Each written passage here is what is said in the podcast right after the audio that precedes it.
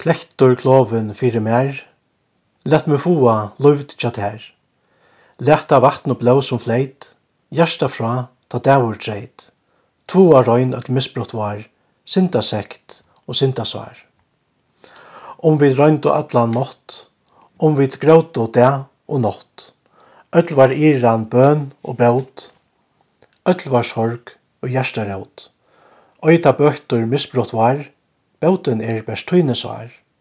Armor, eimor er jeg, krosser tøyn må fjolka meg.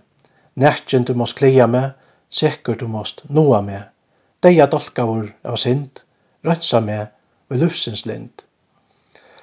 Ta mer tørvar mest av fold, ta i færg undermold, ta i møyr, mitt hjertas lær, ta min dømur, kjemur nær, klektur kloven fire mer, Lett meg få av luft, tja tær. Amen. Paulus apostol, ikkje av menneskjon, ikkje heldur vi nekka menneska, men vi Jesus Krist og god feir, så vakti han offra deion, og alle brøverne som er vi mer, til kyrkjeligene og i Galatalandet. Nei, ver vi tikkon, og frigjør fra gode feir og herravaron, Jesus Kristi, som gav seg sjálvan fire sinter okkara, for at han kunde bjerge okkon ut ur hese nuverande vanda høyme, etter vilja gods og fægir vårs. Hånon i høyren om altur og allar æver. Amen. Galatabrave, kapittel 8, vers 8 og til og vi 5. Etter at vi nå har finnst stedfest at Paulus hever apostolska myndløyga, og at vi tessvekna vegna kunne lyta til han som Paulus sier, som er en båskap fra sjálfum gode, fer at nu er til spurningen om hva sjálfur båskaperen så snur seg om. Jeg så vi var kjent i halvtida, at det passer passande jokken at leipa fram til den meira lærande parsten av Galatabraunen, som strekker seg fra Galatabraunen 3, 8 og til kapittel 5, vers 12. Og i kapittel 3, vers 8 sier Paulus, «Og tikkara skilaleis og galatar, Hver hefur for gjørstikkon, tid som tåfingu Jesus Krist, oppmalajan, krossfestan, fri eginon at ikkon. Paulus eier boa gleibåskapen om min krossfesta og opprystna frelsaren fyrir Galakton. Men tar var no frashtar til a venda aktor til lovartraldom, vegna til som renglærerner, jota istaner, søtto. Paulus understrykar hvordan skilalest hette er.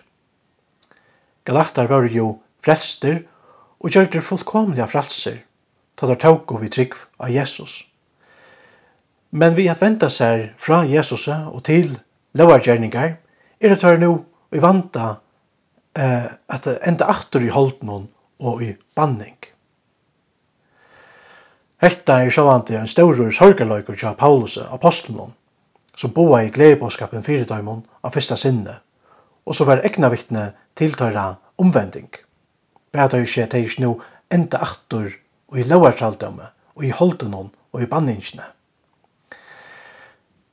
stannar lærdo ekka galaktar som høytningar fyrst og fremst åtta venda om til jødadømmen, om der vil då være kristne.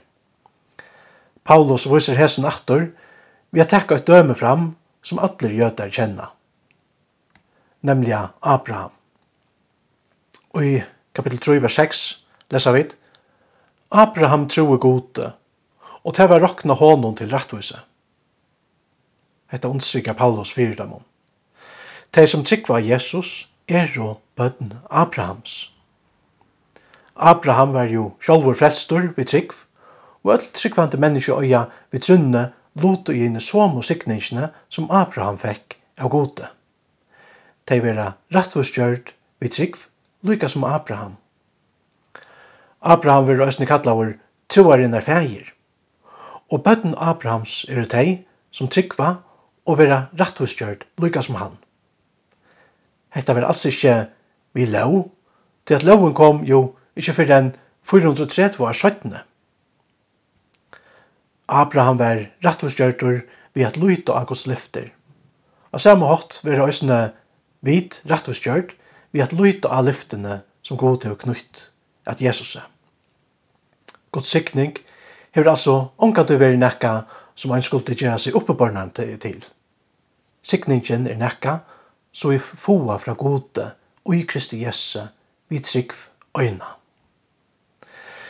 Men ta i som vi velja lovargjerningar fram om Guds nage og Jesus, ta stittle hese seg inn under Guds banning av egnon og avon til å skriva stendur, bannavur virit han, og ikkje heldur og gildi årenon og hese lau, så at han gjer etter dømum.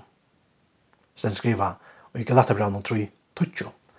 Ongen klarar at halda launa, og tog er røysen i öll teg så velja lauargjerningar fram om Guds nage under banning. Det er hervi ikkje lot og Guds sikning, som jo, sambart Guds åre, øynans fast av trygg, lykka som tja Abraham. Sikningen inneheldur rattvistgjering, frelso og evigt liv. Og banningen er at vera uthørste fra ötlun hesson. Og det er jo hekta som er så skilalest fyrir galatar a gjera. Vi har ventat seg til lovargjerningar, er og galatar i holdt vi at venta seg til røyina som god vil frelsa derfra. Lett jokken bia. Fei var, tu som ersta himnon. Høylagt veri navn tøyt, kommer rujtje tøyt. Veri vilje tøyn som i himne så gjør. Gjev okkon i det akkurat daglige brei. Og fyrir gjev okkon sinter okkara, så så vidt òsne fyrir gjev tøymon vi møti okkon synda. Og lai okkon ikkje frøstingar, men frets okkon fra til ytla. Det er tukt rujtje, valde og høyren om atlar ræver. Amen. Herren var sikne til og varvøyde til. Herren lette annerledes ut løse ivet til og være til nøyver. Herren lytte på asjansynne ivet til og gjevet til fri.